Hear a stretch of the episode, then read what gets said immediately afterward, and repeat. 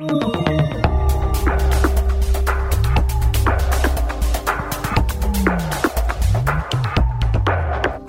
Podcast. Herkese merhabalar. Erdoğan yaklaşık 15 günlük bir süre içerisinde iki kez Putin'le görüştü. Bu görüşmelerin ikincisi Soçi'de gerçekleşti malumunuz ve o görüşme sonrası tarafların verdiği mesajlar Erdoğan'ın Batı'nın Rusya'ya yönelik yaptırımlarını delmek üzere Putin'e destek verip vermeyeceğine ilişkin tartışmaları yeniden alevlendirdi. Öncelikle burada Erdoğan'ın tehlikeli bir oyun oynamaya hazırlandığına ilişkin güçlü işaretler verdiğini görüyoruz. Bunun neden tehlikeli bir oyun olduğunu anlayabilmek için Ukrayna'daki savaşın bugün gelmiş olduğu aşamayı iyi anlamamız gerekiyor. Ukrayna'da Putin'in 3 kritik hata yaptığı artık giderek daha fazla belli oldu. Bunlardan ilki Batı'nın kendisine karşı toplu bir tepki veremeyeceğini, toplu güçlü bir tepki veremeyeceğini öngörüyordu. Fakat burada yanıldı. Batı beklemediği kadar güçlü bir tepki verdi ve bu tepkisi devam ediyor. Batı kampında Avrupa ile Amerika arasında Anglo-Saksonlarla Avrupa veya işte Japonya, Güney Kore gibi ülkeler arasında pek bir farklılık olmadığını, Rusya yaptırımları konusunda e, birlikte hareket ettiklerini görüyoruz. Burada Putin'in ciddi bir hesaplama hatası yapmış olduğu aşikar. Açıkçası tarihçilerin ileride madem Putin Ukrayna'ya saldırmayı planlıyordu, bunu neden Trump döneminde yapmadığını da tartışıp anlamaya çalışacaklarını sanıyorum. Çünkü Trump liderliğindeki bir Amerika'nın Rusya'ya karşı Batı yaptırımlarına öncülük etmesi biraz zor olacaktı. Bu çok belliydi. Özellikle Avrupa'da Almanya ve Fransa gibi ülkeler Trump gibi bir kişiliğin arkasında Rusya'ya karşı dizilmeyi riskli bulacaklardı.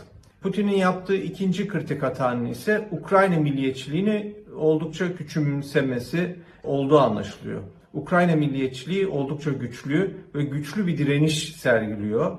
Halkı bugüne kadar yaşadığı tüm kayıplara ve zorluklara rağmen bu direniş azmini devam ettiriyor. Oysa anladığımız kadarıyla Putin Rus ordusu Ukrayna'ya girdiği anda böyle Batı'nın kuklası olarak gördüğü Ukrayna'daki hükümetin hemen düşeceğini, aynen Afganistan'daki gibi ve Ukrayna halkının adeta Rus ordusuna kollarını açacağını bekliyordu. Fakat bu olmadı.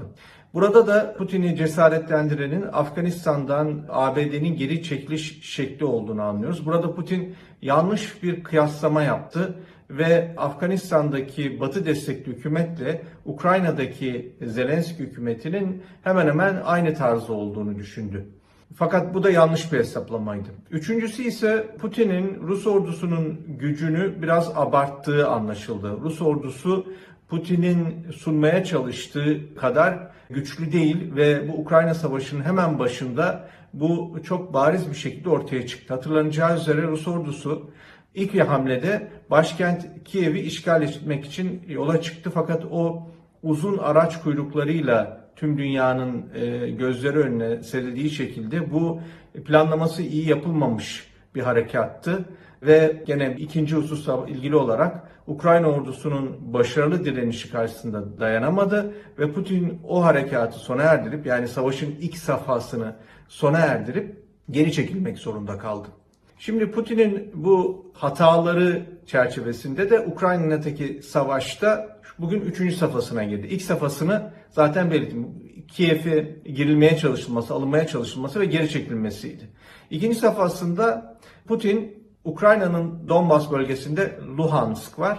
O Luhansk'a Rus ordusu bir taarruza başladı ve üstün topçu ateşi sayesinde adeta soluk almadan orayı bombardımana tutmaya başladı. Bir süre sonra Ukrayna ordusu ağır kayıplar veren Ukrayna ordusu oradan geri çekilmek zorunda kaldı.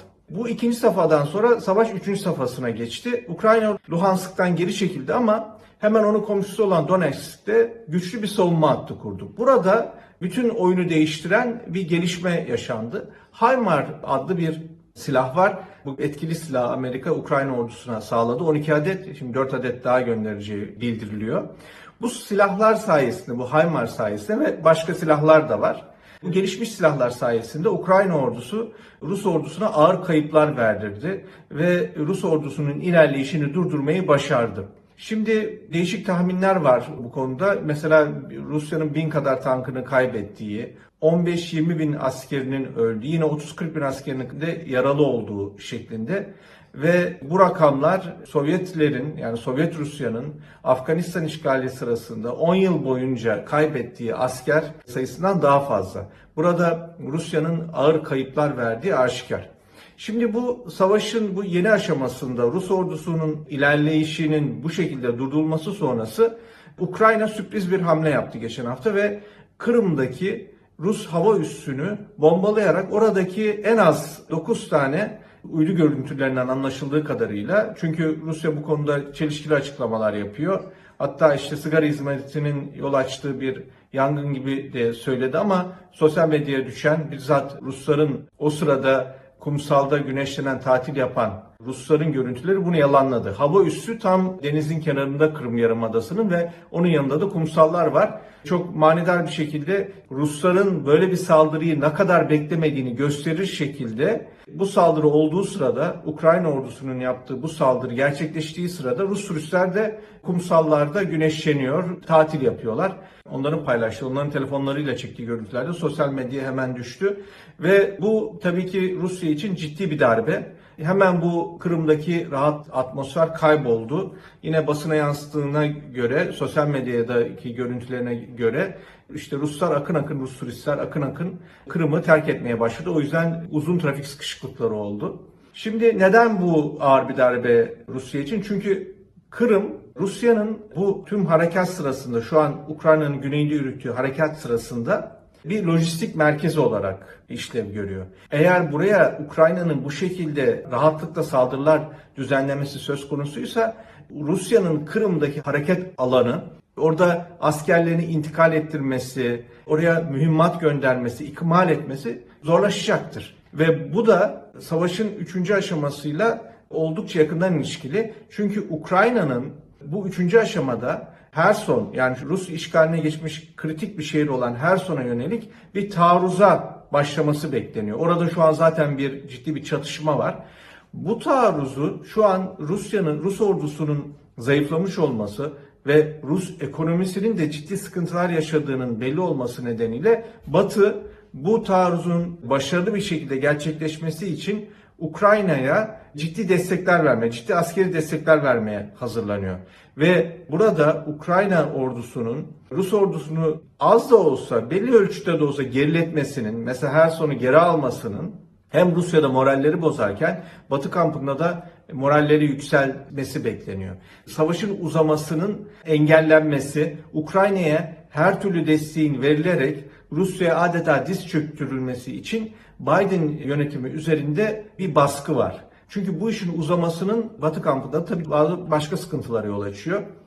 Şu da anlaşılıyor. Yani Ukrayna ordusu batıdan kritik silahlar alınca bu silahları usta bir şekilde kullanarak Rusları geriletebiliyor. O zaman neden Ukrayna ordusuna daha fazla destek verilmiyor sorusu ortaya çıkıyor. Biden yönetiminin endişesi ise savaşın daha da fazla alevlenmesi ve Ukrayna'nın bu silahları özellikle Rus karasına, Rus topraklarına karşı kullanması. Bu yüzden verilen tüm kritik silahlarda işte bu silahların Rusya topraklarına saldırılar düzenlemek için kullanılmamasını şart koşuyor. Ama Kırım malumunuz uluslararası hukuk açısından Rus değil Ukrayna toprağı olduğu için burası bu şartın dışında kalıyor.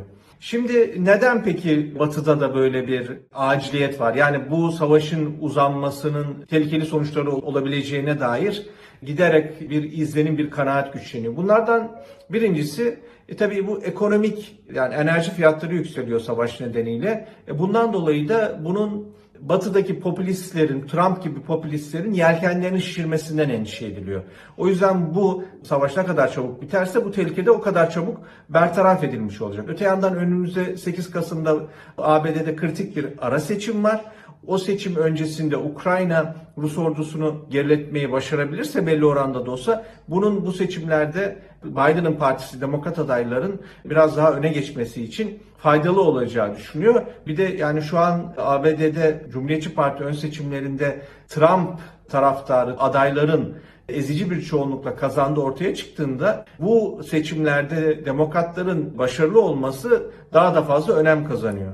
İkincisi ise bu savaş uzadıkça ve Amerika'da da yani böyle Trump'ın tekrar dönme ihtimalinin kimsenin yabana atamaması gibi bir durum söz konusu olunca işte Almanya ve Fransa gibi ülkelerde ABD'ye ne kadar güvenilebileceği yani şimdi Rusya ile yaka paça oluyoruz ama yani birkaç sene sonra ABD'de iktidar değişirse ortada kalır mıyız sorusu yol açıyor. Bu sorunun da ortadan kalkması bakımından savaşta erken bazı başarılar elde edilmesi önem kazanıyor. Üçüncüsü ise şimdi Batı bu kadar birlikte olmuşken, bu kadar birlikte hareket ederken ve Ukrayna'ya çok kritik desteklerde bulunurken buna rağmen Rusya'ya diz çöktüremezse e bu şunu anlama gelecek. Çünkü bundan sonraki ana çatışmanın zaten alttan alta başlamış olan çatışma Batı ile Çin arasında gerçekleşecek. Yani Rusya'ya diz çöktüremeyen bir Batı'nın Çin karşısında da pek de şansı olmadığı gibi bir kanaat ortaya çıkacak. Hem bu Çin'i cesaretlendirirken Batı kampında da birazcık moralleri düşürecek. O yüzden Batı'nın artık bu kapışmada böyle bir yenilgiyi kabullenemeyeceği bir an evvel somut kazanımlar elde etmesi fikri güç kazanıyor. Şimdi bütün bu fotoğrafı iyi anlarsak önümüzdeki 6 aylık süre boyunca özellikle Batı'nın ne kadar Rusya ile kapışmasında hassas bir konumda olduğunu, Rusya'nın nefes almaması, toparlanmaması, Ukrayna'nın hemen üzerine giderek Rusya'nın şu anki zayıflığından istifade etmesini ne kadar önemsediğini daha net anlarız. Şimdi bu ortamda Putin boynuna geçirmiş bir ekonomik yaptırım ilmiği var. O ilmiği birazcık böyle açabilmek için Türkiye'yi kullanabileceğini düşündüğü anlaşılıyor. Çünkü neden Putin böyle bir düşünce içerisinde? Çünkü Türkiye ciddi bir ekonomik kriz altında ve seçimlere onay kalmış durumda. Erdoğan bu seçimler öncesinde ciddi bir para ihtiyacı içerisinde bir para bulup biraz piyasayı rahatlatmak istiyor. Ondan dolayı yani Türkiye'nin bu zayıflığından istifade ederek Batı yaptırımlarından belli oranda bir nebze rahatlamak için böyle Türkiye'yi kullanabileceği düşüncesinin Putin'de oluştuğu anlaşılıyor. Erdoğan da baktığımızda bugüne kadar ciddi bir para arayışı içerisinde kapı kapı dolaşıyor ama aradığı parayı bulamadı ve işte yine iktidar kaynaklarından sızan haberlerden edindiğimiz izlenim Erdoğan'ın ciddi ciddi Mart ayında bir erken seçim düşündüğü fakat para bulamadığı için ekonomide rahatlama sağlayamadığı için bunu Haziran'a daha sonra Eylül'e ertelediği şimdi ise Kasım'ı düşündüğü anlaşılıyor. Ama o işte ihtiyaç duyulan kritik para bir türlü bulunamıyor. Şimdi Putin bunu farkında bunu izliyor ve Erdoğan'a diyor ki gördüğümüz kadarıyla dışarıya sızanlar kadarıyla verilen mesajlar üzerinden bunları okuduğumuzda diyor ki ben sana bu 10 milyarlarca dolar akıtmaya hazırım ama senin de bana yardımcı olman lazım. Şimdi Batı'nın bu kadar yani büyük bedeller ödeyerek yani ekonomik anlamda yani bugün Amerika'nın Ukrayna'ya verdiği askeri yardımın tutarı 9.1 milyar doları buldu. E bu başka ülkeler de var. Almanya, Fransa, İngiltere'de çok kritik yardımlarda bulunuyor. Öte yandan savaşın ekonomik sonuçlarıyla bu ülkeler yüzleşiyorlar. Şimdi böyle yaka paça olmuşken Batı'nın Rusya'nın, Putin'in Türkiye üzerinden böyle kendisini rahatlatmasına müsaade edeceğini düşünmek çok büyük bir yanılgıdır. Nitekim hemen yani Batı kampında hemen bu uyarılar geliyor. İşte Washington Post'ta batılı yetkililerin Türkiye'nin böyle bir yola tevessül etmesi halinde Batı ile ekonomik ve finansal ilişkilerinin riske gireceğini uyarısını yapıyorlar. Washington Post'un önemli yazarlarından biridir. Washington'daki güvenlik ve istihbarat kurumlarıyla yakın ilişki içerisinde oldu. Onlarla temas halinde olduğu bilinen bir duayen yazar da David Ignatius. Yani eğer diyor Erdoğan kendisini bu kapışmada Rusya ve Batı karşısında eşit bir uzaklıkta, eşit bir konumda tutabileceğini sanıyorsa kendini çok fazla akıllı zannediyor diyor. Yani bu e, zayıflayan bir Rusya'ya bu denli yaklaşmak bana hiç akıl kârı gelmiyor diyor. Ve bir de şunu söylüyor. Yani Erdoğan'a güvenilen bir ortak değil Batı'da. Yani siz taraflara eşit uzaklıkta durup hatta böyle bir olası bir ara bulucu rolü oynayabilirsiniz. Ama bunun için iki tarafın da size güvenmesi lazım. Erdoğan'ın bu anlamda Batı nezdinde güvenilen bir ortak değil. Şimdi burada bir parantez açalım. Tahıl koridoru açıldı işte Türkiye'nin girişimiyle ve BM'nin ve bu tahıl koridoru bu fotoğrafta nereye oturuyor? Şimdi şöyle Tahıl koridoru Erdoğan hükümetinin bir başarısı. Bunu teslim etmemiz gerekiyor. Fakat bu başarıyı buraya kadar anlatmış olduğum bu bütün bu gelişmeler içerisinde bunu çok böyle değiştirecek yani savaşın gidişatını değiştirecek bir gelişme değil. Nitekim böyle sanki taraflar arasında bir yumuşama var.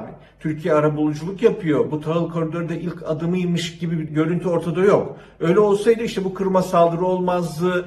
İşte cephedeki çatışmalar şiddetlenmezdi.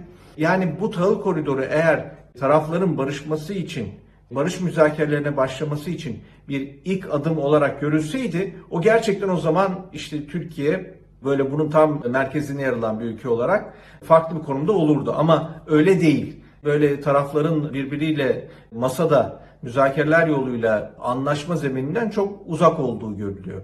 Şimdi böyle bir ortamda Erdoğan'ın taraflara böyle eşit mesafede bulunup olabildiğince böyle durumdan istifade etmek için pek gücü olmadığı anlaşılıyor. Yani çünkü Türkiye ekonomik açıdan o kadar güçlü değil. Yani bunu şöyle anlatayım. Şimdi siz bir insan düşünün iki eliyle iki farklı insanın çektiği ipi tutuyor. Eğer bu insan güçlüyse o ipi çekenler onun etrafında dönerler. O yerinden oynamaz. Ama bu insan çok güçlü değilse ve bu ipi çekenler daha güçlüyse ve birbiriyle mücadele halindeyse bu insan bir o tarafa bir bu tarafa savrulur. Bunun gibi bir durum var. Zaten Erdoğan'ın e, dış politikasında da bu savrulmaları çok net görüyoruz. Soçi'deki toplantı sonrası Erdoğan'a yapıldığını gördüğüm çok ciddi bir başka uyarısı İngiliz Financial Times gazetesinde iki tane haber yayınlandı. Birisi başyazı. O başyazıda bir ABD'li yetkili diyor ki bu Soçi zirvesi sonrasında tarafların yaptığı açıklamalar uygulamaya koyulursa Erdoğan Rusya ile ticari finansal ilişkilerin geliştirilmesine ilişkin pek çok mesajlar da verdi. Böyle bu uygulamaya koyulursa Batı tüm kendi şirketlerinden Türkiye'den çekilmesi çağrısında bulunabilir diyor. Yani Batı kendi yaptırımlarının Türkiye tarafından delinmesine müsaade etmeyeceğine ilişkin açık ve net mesajlar veriyor. Fakat tabi çaresiz bir Erdoğan var. Ciddi bir paraya arayışı içerisinde bir Erdoğan var. Erdoğan o nedenle bu tehlikeli kumarı oynamak istiyor olabilir. Bir de şunu da üzerinde düşünmek durumundayız. Acaba Erdoğan Putin'e hayır diyebilecek kadar güçlü mü?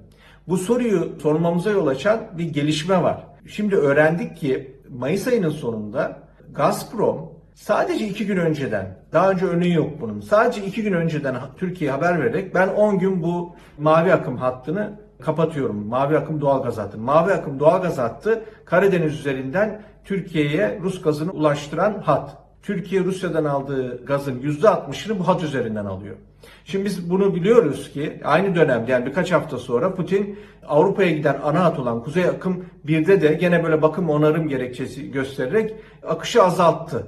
Yani Putin'in bu tip doğal gaz akışlarını azaltmayı bir şantaj unsuru olarak kullandığını biliyoruz. Ve bunun da yani Türkiye'ye karşı böyle tam bu Finlandiya, İsveç'in üyelikleri meselesi konuşulurken yapmış olduğu bu hamlenin Erdoğan'a karşı açık bir gözdağı olduğunu düşünmemek için pek bir sebep yok.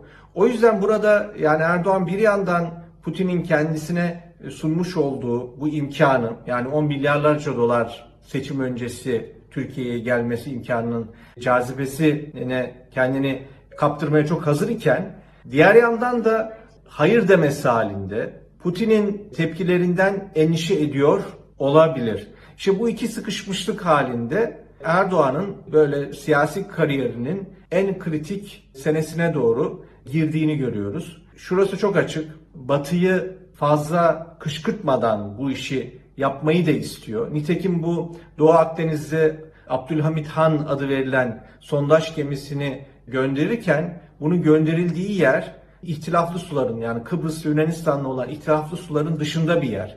Bir yandan böyle böyle milliyetçi ve son, sondaj gemilerine işte Osmanlı sultanlarının adını verip böyle retorik yaparken de sanki dünyaya meydan okuyormuş gibi retorik takınırken diğer yandan da işte daha önce malumunuz bu konuda Avrupa Birliği eğer ihtilaflı sularda bu sondaj arama gemilerini gönderirsen yaptırım uyguları tehdidinde bulununca Erdoğan gemileri geri çekmişti. O meseleleri kaşınmama, Avrupa ile daha fazla gerilmeme, Batı ile daha fazla gerilmemeye çalıştığına ilişkin de işaretler veriyor. Bu haftalık Erdoğan'ın Soçi ziyaretine ilişkin gelişmeleri değerlendirdim. Hepinize iyi günler diliyorum. Hoşçakalın.